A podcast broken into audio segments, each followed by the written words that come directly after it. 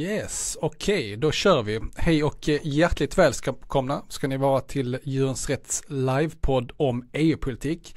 Jättekul att eh, ni är här med oss och lyssnar den här tisdags eftermiddagen. Vi har ju fått in en del frågor här i förväg som vi ska sätta tänderna i här senare och eh, besvara och prata om, jag och Matilda. Men om det dyker upp någonting som ni funderar på så tveka inte att ställa dem i eh, i kommentarsfältet här nedanför så ska vi se ifall i mån av tid att vi också kan eh, besvara dem och eh, prata om dem. Precis och eh, idag så ska vi då bena ut lite hur EU fungerar och hur EU är en del av den gröna omställningen och sen inte minst vilken roll EU kan spela för ett högre djurskydd.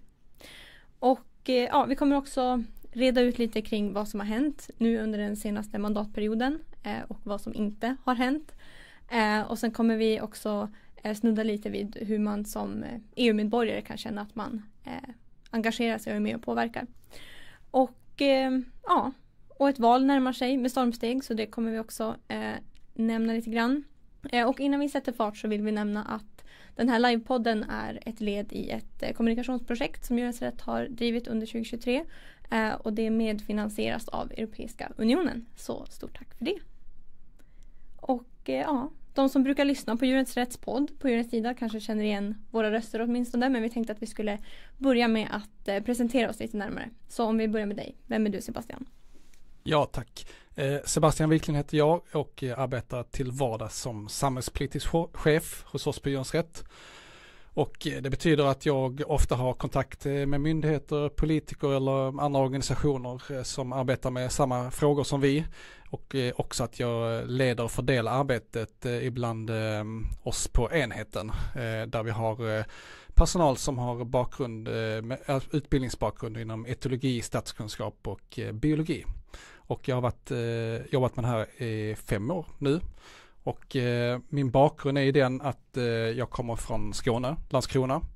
Statsvetare i grund och botten och ett, ett intresse för politik sedan tonåren och har tidigare också arbetat eh, partipolitiskt och i, i eh, kommunpolitik. Eh, och även arbetat en del inom civilsamhället. Hjärtefråga eh, för det som vi driver här inom eh, Rätt. Eh, det är ju så här att man ofta förfasas över saker som vi ser, eh, som vi får ta del av hur eh, djur behandlas inom djurindustrin. Men eh, det som jag kanske eh, är mest eh, engagerad i är egentligen det som jag tror på, nämligen framtiden. Och framtiden tror jag kommer att bli mer växtbaserad. Så den, den omställningen till att börja att konsumera mer växtbaserat istället för animaliska produkter, den tycker jag är superintressant. Matilda, varsågod, vem är du? Tack, Matilda Antti heter jag, 28 år, kommer från Luleå. Ehm, också statsvetare via Uppsala universitet. Och jag har jobbat på Djurens Rätt i drygt ett och ett halvt år i rollen som politisk sakkunnig. Ehm, så det jag gör till vardags är att jag eh, följer politiska processer både ehm, på nationell nivå men också på EU-nivå. Eh, och sen skriver jag en hel del, allt från debattartiklar till webbnyheter till eh, en hel del mejl. Eh, och sen gör jag också en del utåtriktade grejer. Så som att eh, men, anordna seminarium, delta som utställare på eh, partiers kongresser och så vidare. Yes. Och eh, det jag brinner för eh, lite mer allmänt är väl att eh, jag tycker att djurfrågor ska inte behöva vara en eh, politiskt färgad fråga. Eh, utan jag tycker att oavsett partitillhörighet eller ideologi så ska man kunna komma överens om att vi kan leva på ett sätt där djur inte far illa helt enkelt. Eh, och eh, om jag ska säga någonting mer specifikt som jag brinner lite extra för så ska jag säga att det är att liksom få till de här strukturerna så att djurfrågorna kommer upp på ett rättvist sätt.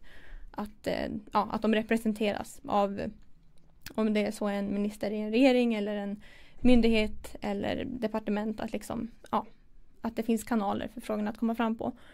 Eh, och eh, Ja, gällande vad jag har gjort tidigare så har jag hoppat runt rätt friskt eh, och testat lite olika saker. Jag har bland annat tre olika praktiktjänster i ryggen från Bryssel. Eh, vilket har gett mig tre olika perspektiv då på EU, eh, EU-arbetet helt enkelt. Eh, så det känns kul att vi idag ska eh, reda ut grunderna i alla fall. Eh, och sådär. Så ja, men innan vi gör det så kanske vi ska presentera organisationen också. Ja, precis.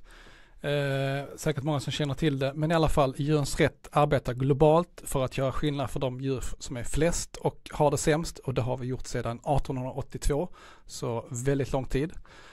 Eh, med målinriktade kampanjer, företagssamarbeten och eh, politiskt påverkansarbete som vi arbetar med så är vi en av världens ledande djurrätts och djurskyddsorganisationer med fler än 50 000 medlemmar här i Sverige.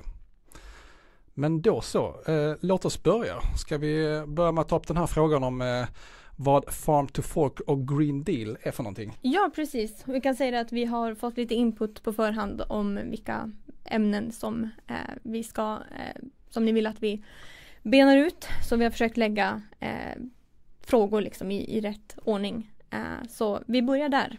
Eh, vad är Farm to Fork och Green Deal? Om vi börjar med Green Deal så eh, heter den den europeiska gröna given på svenska.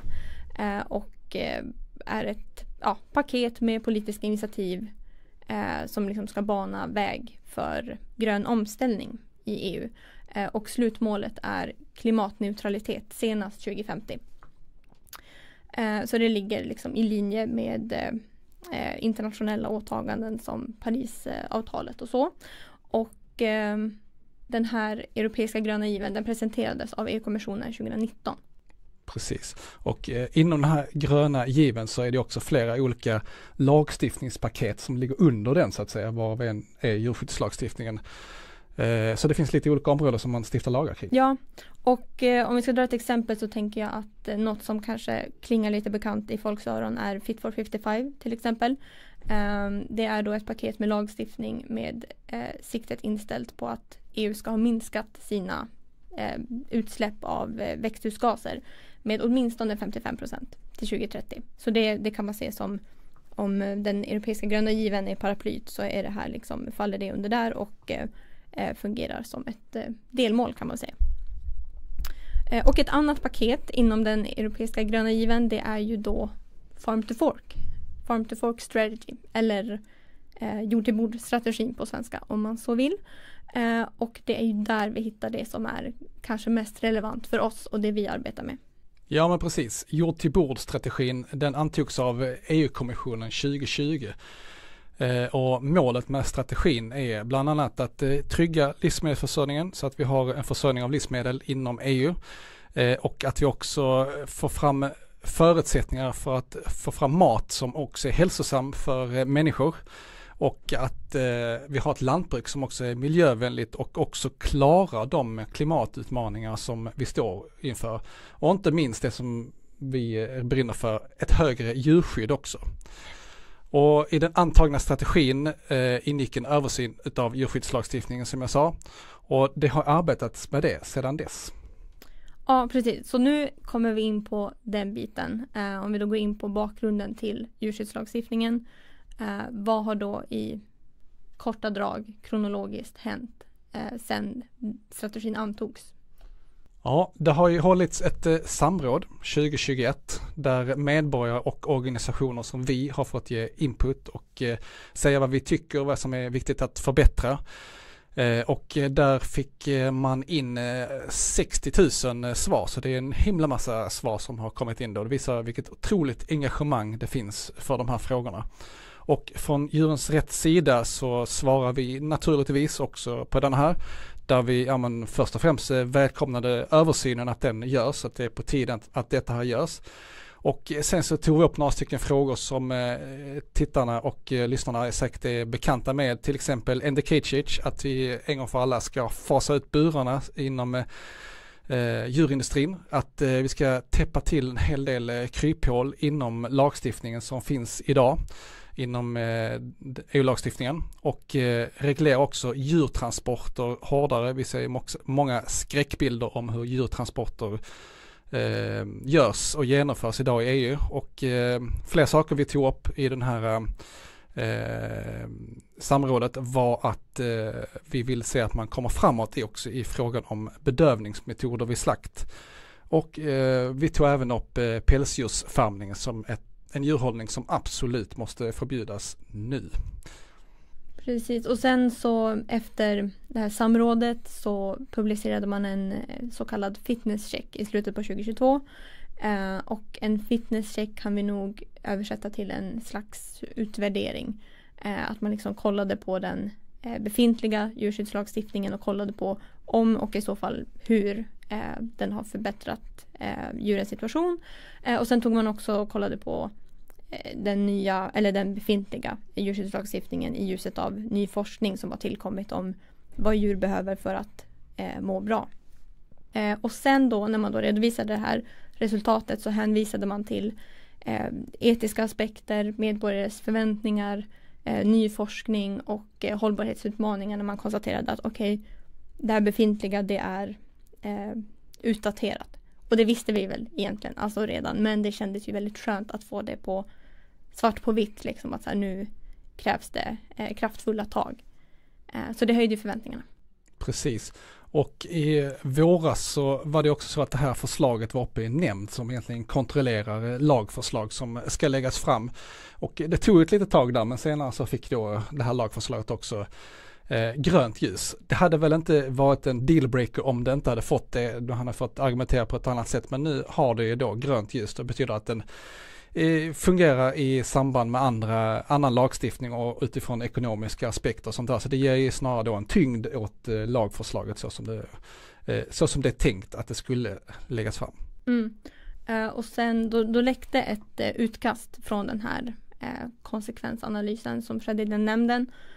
och det var inte det senaste utkastet i raden så vi försökte att inte läsa ordagrant. Liksom. Men Eh, det gav ju ändå en, en fingervisning om vad vi kan tänkas eh, få se blir inkluderat och sen också en fingervisning om vart ungefär kommissionen har lagt eh, ambitionsnivån. Eh, och i det här utkastet så fanns 18 stycken åtgärder som riktade in sig på 14 stycken områden. Eh, och så nu tänkte vi att vi skulle glida över till att prata lite om dem. Göra några nedslag i, i vad det här skulle kunna innebära för djuren. Precis. Ja, men de här 18 stycken åtgärderna kan, är det inriktningar på 14 stycken områden. Men de går i sin tur att dela upp i fyra stycken övergripande lagstiftningspaket. Och dessa paket eh, är tanken att det ska sträcka sig över hela djurets eh, livscykel och även då till konsumenten utav de produkter så att säga som konsumeras senare. Så att jag går igenom dessa här för att få en bild av hur eh, lagstiftningen är tänkt. Eh, och det första är ett lagstiftningspaket om hur djur får lov att hållas. Eh, och exempel på det som vi varit inne på tidigare är ju end cage att man inte får lov att ha djur i bur eller att vi önskar det, att man ska förbjuda det. Och det är det som är hållningen utav djur. Det är ena benet så att säga. En annan del är ju djurtransporter, lagstiftning kring det, om eh, vilka regler som gäller i samband med det. Och eh, en tredje del är slutskedet för djuret, eh, nämligen slakten och eh, föreskrifter om hur det ska ske. Och sen den sista delen också är en djurskyddsmärkning så att eh, det finns möjlighet för konsumenten att eh, välja utifrån eh, vilket, vilken, eh, vad som haft bäst djurskydd så att säga. Och det blir också transparent också för konsumenten om man gör på det där sättet. Precis, och då tänkte vi att vi går igenom de här eh, fyra lagstiftningspaketen eh, ett i taget och bara ge några exempel på vad det skulle kunna innebära. Eh, så vi börjar med hållning av djur. Eh, som Sebastian sa, där hittar vi eh, förslag i linje med End the Cage Age, alltså fasa ut alla burar inom EUs livsmedelssystem. Eh, och det kommer vi nog prata ännu lite mer om strax. Eh, och sen en annan sak som vi hittar där det är eh, förbättring av levnadsvillkor. Och då pratar vi eh, ökat utrymme för djuren, eh, mer miljöberikningar, eh, större möjligheter för djuren att kunna leva ut sina naturliga beteenden. Eh, Sådana saker. Eh, en annan grej eh, som också finns med där det är förbud mot stympning. Och då kommer vi nog kunna få se eh, förslag om förbud mot både näbbklippning, eh, svanskupering och kirurgisk kastrering. Eh, och av de här tre grejerna så är det bara det senare, kirurgisk kastrering, som är liksom eh, som förekommer i Sverige. Och varför det är så det beror på att man har tolkat befintlig EU-lagstiftning som att det redan är förbjudet. Men uppenbarligen så har det inte varit så för alla medlemsländer. Så nu krävs det liksom lagstiftning som inte lämnar något utrymme för tolkning. Eh, så det var ännu en sak. Eh, och sen en sista grej som jag vill lyfta det är att eh, det lär komma förslag om att eh, tillämpa EU-normer på importerade produkter. Eh, och att de då skulle appliceras på ett sätt som är förenligt med WTOs, alltså World Trade Organizations, eh, eh, ja, eh, med deras regler. Eh, och det här skulle då omfatta äggprodukter, mejeriprodukter och köttprodukter. Så det vore faktiskt helt fantastiskt. Och då handlar det också nu fortsatt om att så här, men höja EUs nivå så mycket som bara möjligt så att det ger så stora ringar på vattnet som bara möjligt. Ja, det är ett stort eh, förslag eh, om det går igenom. Så det arbetar vi för. Eh, jag tänkte ta an andra delen då, då djurtransporter. Eh, det är ju som varenda kotte förstår eh, e-, e-, extremt känsligt tillfälle för djur eh, med tanke på att eh, vi utsätter dem för stress och eh, lidande och det handlar ju då att eh, eh, begränsa detta så mycket som möjligt. och om vi tittar på det läckta utkastet och gör en liten spaning på vad som står där så kan man väl tänka sig att eh, kommissionen kommer att presentera begränsningar i transporttider, maxtemperatur för eh, hur varmt det får lov att vara vid transporten. Eh, verktyg för digital spårning och eh, också regler för icke avvanda eh, kalvar. Eh, och naturligtvis är det så att vi på Jonsrätt eh, vill ju mycket, mycket mer än så här. Och eh, en sak som vi har kommunicerat eh, tidigare är ju att man ska eh, lägga ett förbud för att eh, kunna exportera djur utanför EU. Eh, då, då gäller ju absolut inga regler längre utan eh, vi vet inte helt enkelt eh, var djuren tar, vä tar vägen. Och inte sällan så har man sett skandalbilder i samband med den typen av transporter också. Så ett totalt förbud att att forsla djur utanför eh, EU. Mm. Precis och eh, om vi går in på paket 3 då som är slakt så förväntar vi oss där förbud mot plågsamma bedövningsmetoder. Eh, och då snackar vi elbadesbedövning för fåglar och eh, eh koldioxidbedövning för grisar. Eh, och eh, ja, det är två väldigt plågsamma metoder eh, som vi vill se fasas ut. Och sen en annan sak jag kan passa på att ta upp här det är um, att vi förväntar oss också ett förbud mot massdödandet av tuppkycklingar. Och eh, varje dag så dödas bara, eller så dödas 15 000 tuppkycklingar bara i Sverige. Eh, för att de ses som en, en restprodukt inom äggindustrin. Eh, och det blir ungefär 5 miljoner per år. Eh, men det behöver inte vara så utan det finns eh, metoder som könsbestämmer äggen i ett väldigt tidigt skede. Så att, eh, men då krävs investeringar. Men det hoppas vi att EU kommer driva på för här. Men sen med det sagt, det finns inget som säger att man behöver invänta massa EU-beslut heller utan det skulle kunna göras på hemmaplan ändå. Så vi har ett aktuellt upprop på ämnet där vi samlar underskrifter som vi sen ska överlämna till politiker. Yesbox. Ja, precis. Och eh, den eh, fjärde delen då, djurskyddsmärkning. Syftet är ju med den att underlätta för konsumenter att köp, som köper också animaliska livsmedel att också kunna göra ett eh, val då. Och det är det som är förslaget från EU och vi hade ju gärna sett att den här blir obligatorisk på alla produkter som finns. Eh, och att eh, det då blir mer transparent för konsumenterna att man helt enkelt inte kan blunda för att eh, här är en produkt med eh, som har extra dåligt eh, djurskydd så att säga som eh, man, man vill välja utan man kanske då gör ett annat val. och dessutom så vill vi också att det ställs höga kriterier på eh, djurskyddsmärkningen så att det är möjligt för konsumenterna att också driva fram eh, förändring i, inom eh, djurindustrin. Eh, tyvärr så är det ju så, inte eh, kanske så förvånande, men eh, branschen stretar emot här, gillar ju inte lagstiftning utan vill bestämma själva. Och det kan ju bli så då att eh, de som verkligen behöver den här märkningen är de som också väljer bort helt och hållet märkningen. Så det är ju illa att man inte kan det, det inte kan eh, få lov att framkomma ordentligt och klart och tydligt vad det är för djurhållning som djuren har eh, varit utsatta för. Eh, så att lite, lite risk där är att det blir en frivillig märkning helt enkelt på djurskyddsmärkningen. Eh, vi vill som sagt helst ha den obligatorisk men om den blir frivillig så eh, är det second best. Jajamän. Uh, ja, så nu har vi gjort några nedslag i de här fyra olika paketen och uh, bara för att sammanfatta lite så ja, så ni förstår hur mycket som är på spel. Så, så här, säg att eh, bara det här med massdödandet av tuppkycklingar förbjuds i Sverige. Alltså det skulle vara en jättestor seger. Så tänk att det sker på samma gång i 26 andra medlemsstater. Eh, och sen att det inte bara rör det här med tuppkycklingar utan att det rör allt det vi har pratat om nu plus ännu mer grejer. Så att det här är det största som har hänt någonsin vill jag våga påstå eh, för djurskyddet på EU-nivå.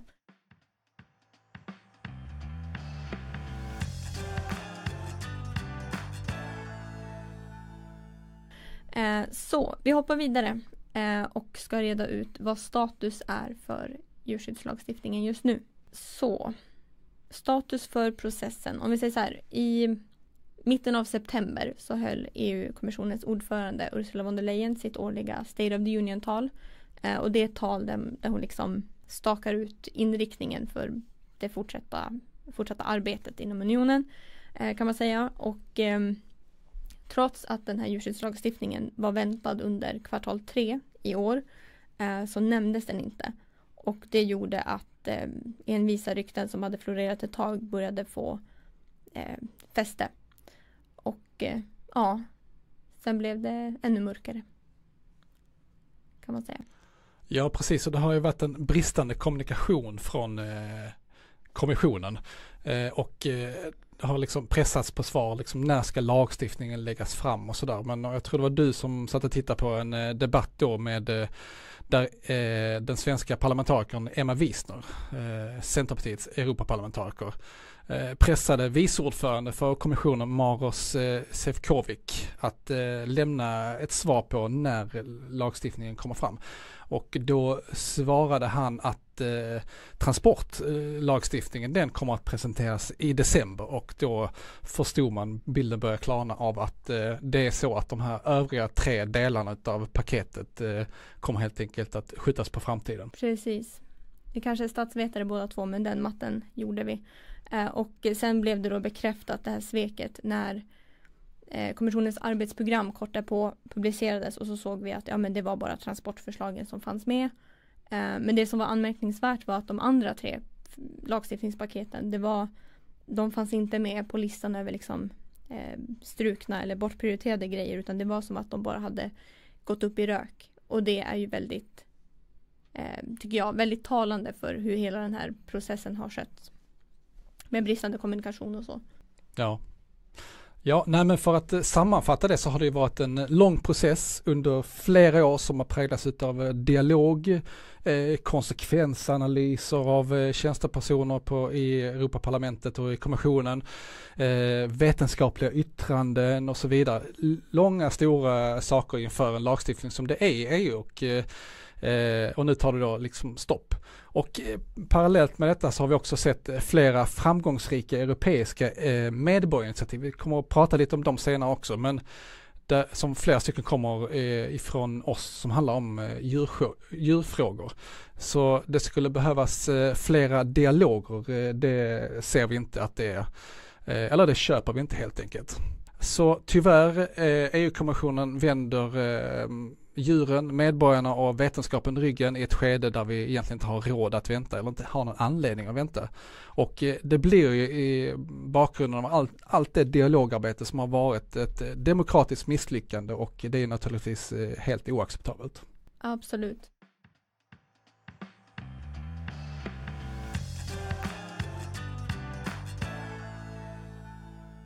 Ja, nu har vi slängt oss med lite begrepp som EU-kommissionen och så vidare. Så nu ska vi gå in på att eh, reda ut lite hur maskineriet fungerar. Hur EU funkar. Precis. Precis. Snabbkurs. Eh, om vi börjar med EU-kommissionen då så kan man likna den vid EUs regering. Eh, och eh, det är bara regeringen som kan lägga fram förslag på lagstiftning. Eh, och sen kommissionen då den består av 27 stycken kommissionärer en från varje medlemsland. Eh, och de skulle vi kunna likna vid eh, ministrar.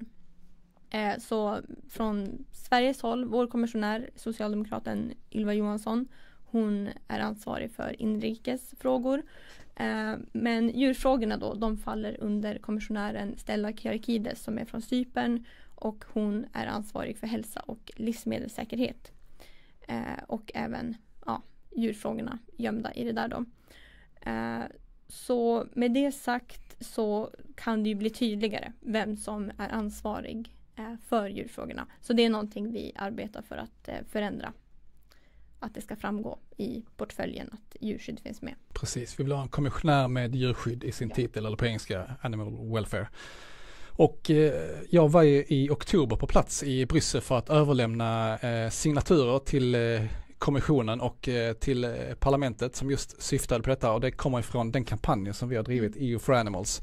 Och det var ju hela 310 000 namnunderskrifter som hade samlats in runt om i EU och bara från Sverige var det nästan 40 000 eh, som vi då lämnade över. Och Eh, Eh, jag hoppas att man tar fasta på detta här till eh, nästa val och eh, återigen, alltså lite tjatigt, men det är ju så himla klart och tydligt varenda gång vi gör saker att eh, det finns verkligen ett stort och starkt engagemang för eh, djurpolitiska frågor och att man vill göra det bättre för djuren i EU.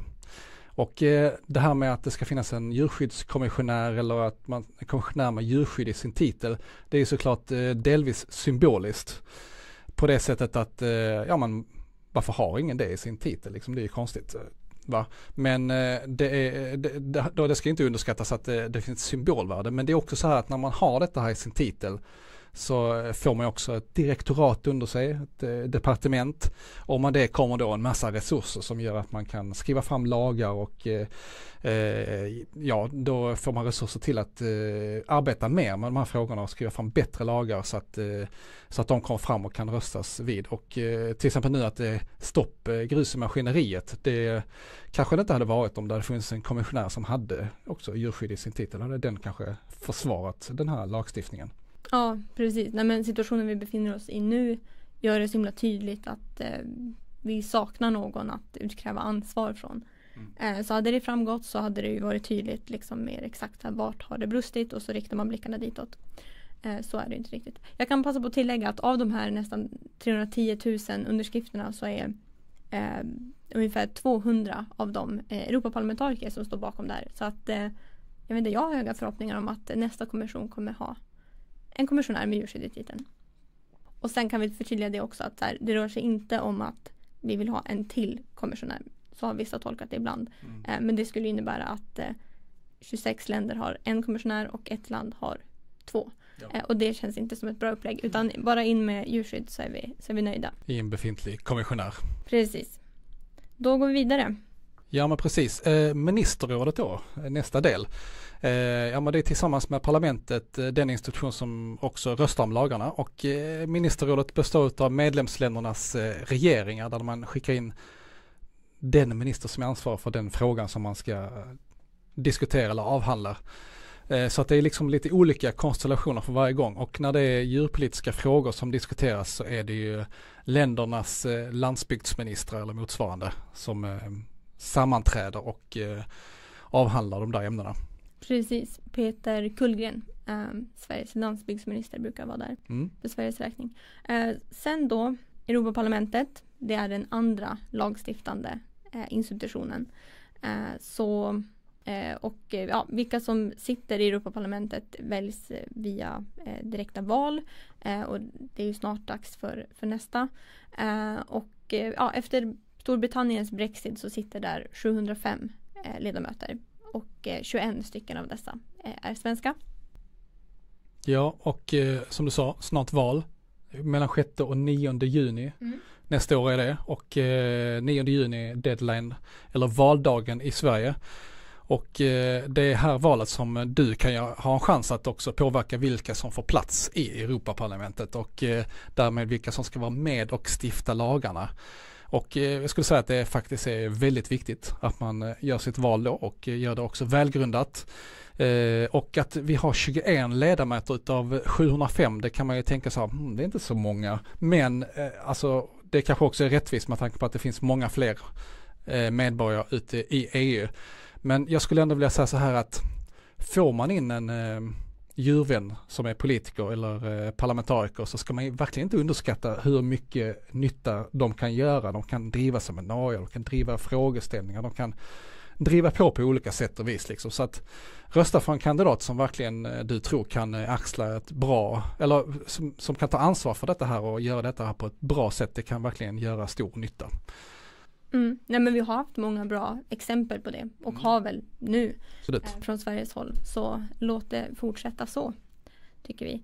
Eh, men för att eh, sammanfatta lite de här tre vi har pratat om nu då så eh, när kommissionen då lägger fram ett förslag så är det då dags för eh, dels ministerrådet, dels Europaparlamentet att inta sina respektive förhandlingsmandat. Alltså åsikten som de eh, tar med sig in i förhandlingar. Um, och eh, ja, därefter så träffas de för att göra upp och liksom kompromissa och komma fram till någonting.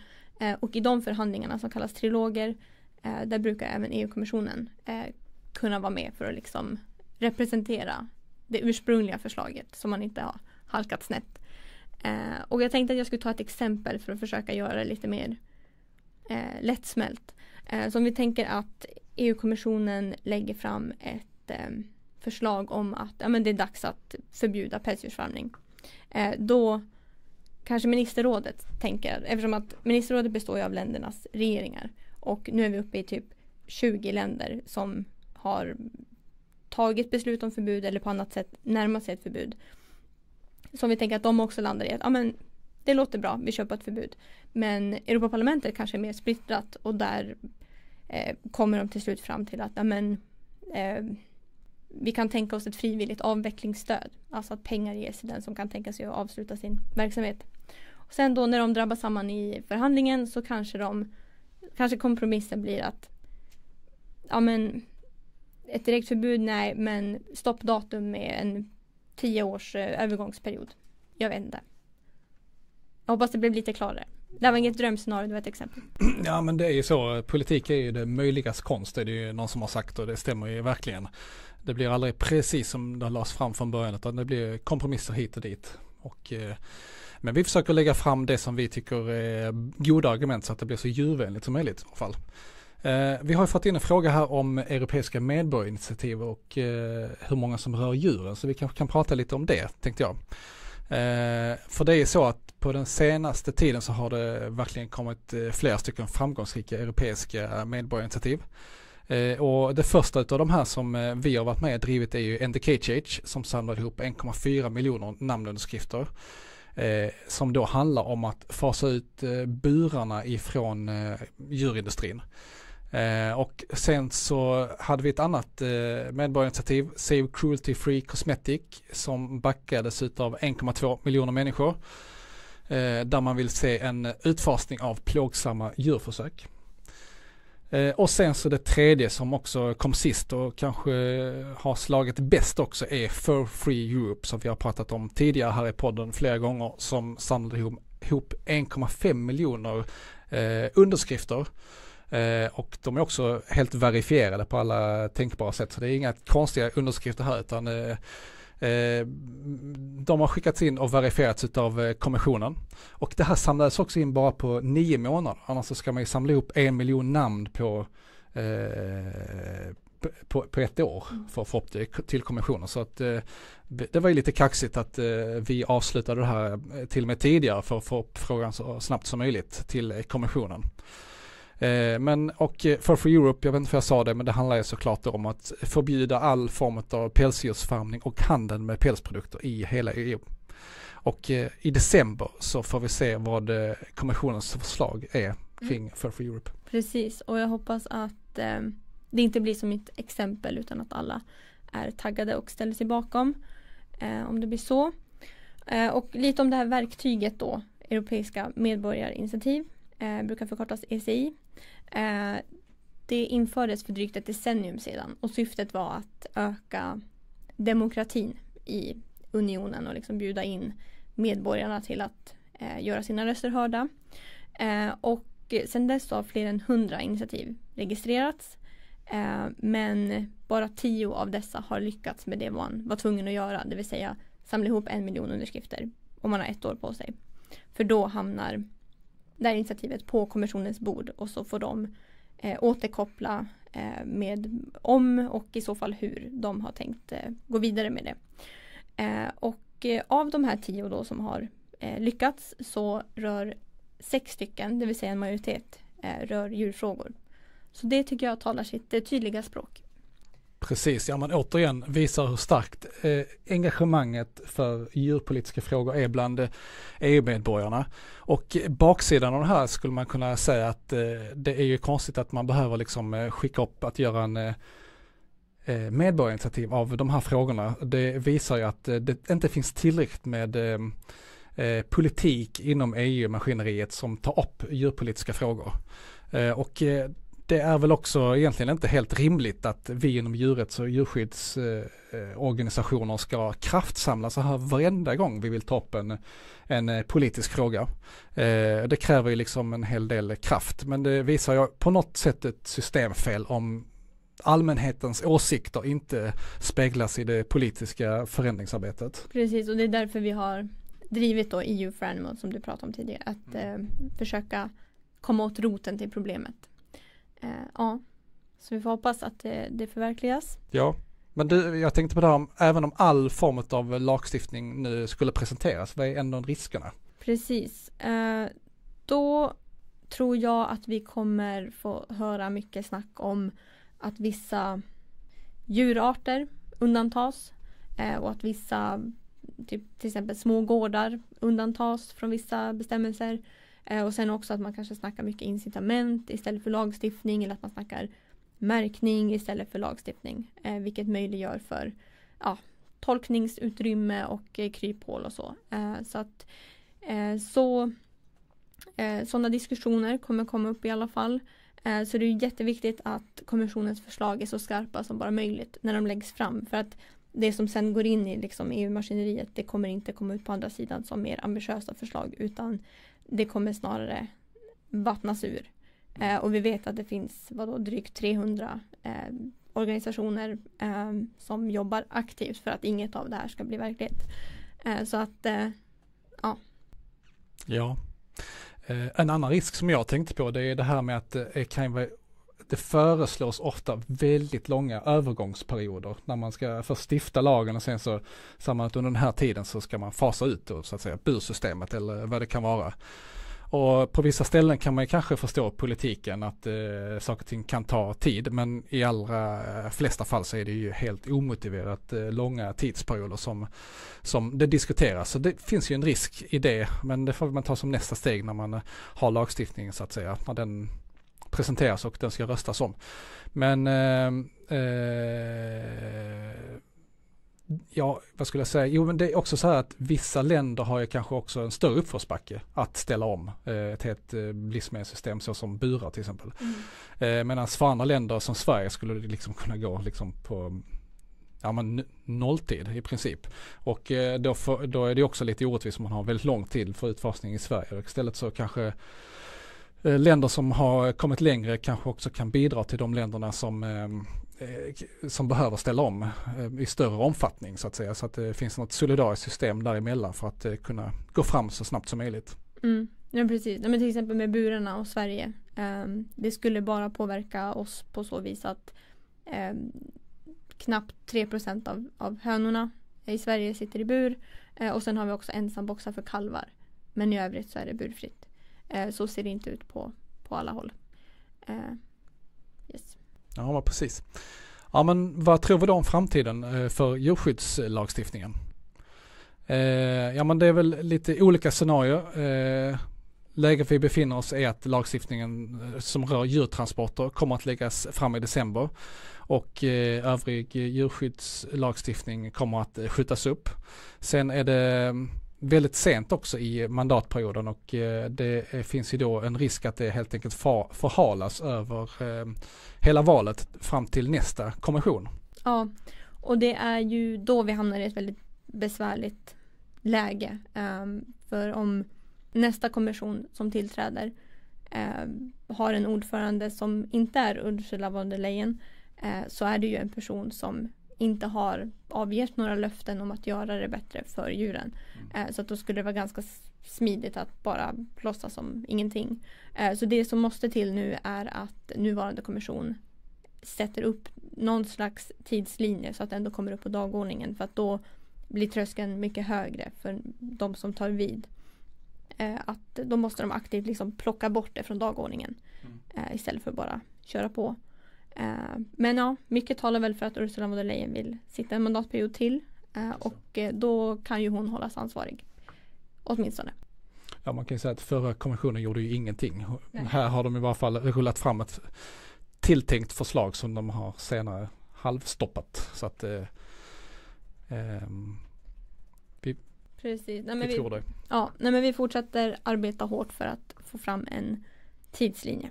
Eh, nästa fråga vi ska reda ut är hur Djurens Rätt kommer att eh, arbeta inför valet till Europaparlamentet. Eh, och det kommer vi göra via en, en stor kampanj, Vote for Animals, som vi har börjat preppa här under hösten lite grann.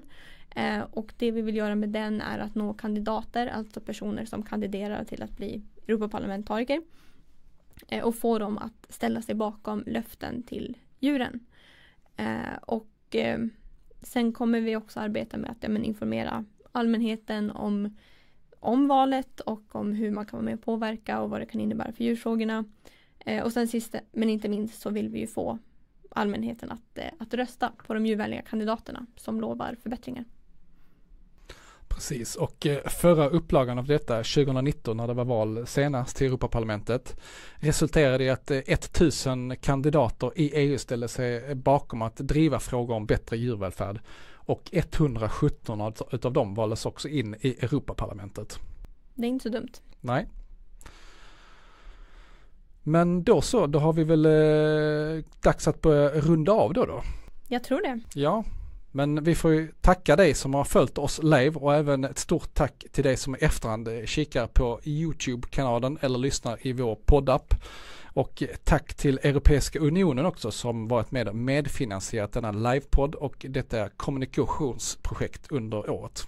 Mm. Och eh, avslutningsvis som vi alltid tjatar om så är det tack vare stödet från allmänheten som vi kan jobba med saker såsom politiskt påverkansarbete för att förbättra för de djur som är flest och har det sämst.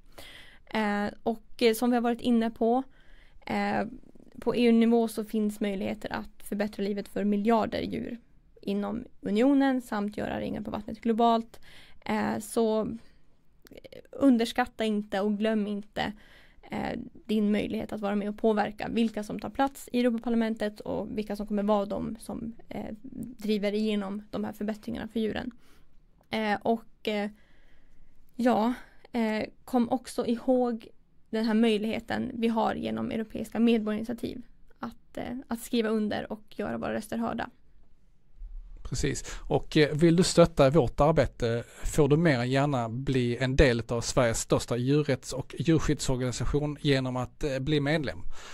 Om ni tycker att det här var intressant och vill lära dig mer eller hänga med i svängarna, glöm inte att följa podden på djurens sida där vi en gång i månaden kommer att eh, komma med spaningar på det senaste inom djurpolitiken. Länk finns i eh, beskrivningen här nedan. Det var det vi hade va? Så stort tack för att ni har eh, kollat eller lyssnat eller både och. Så hörs vi. Hej då! Hej då!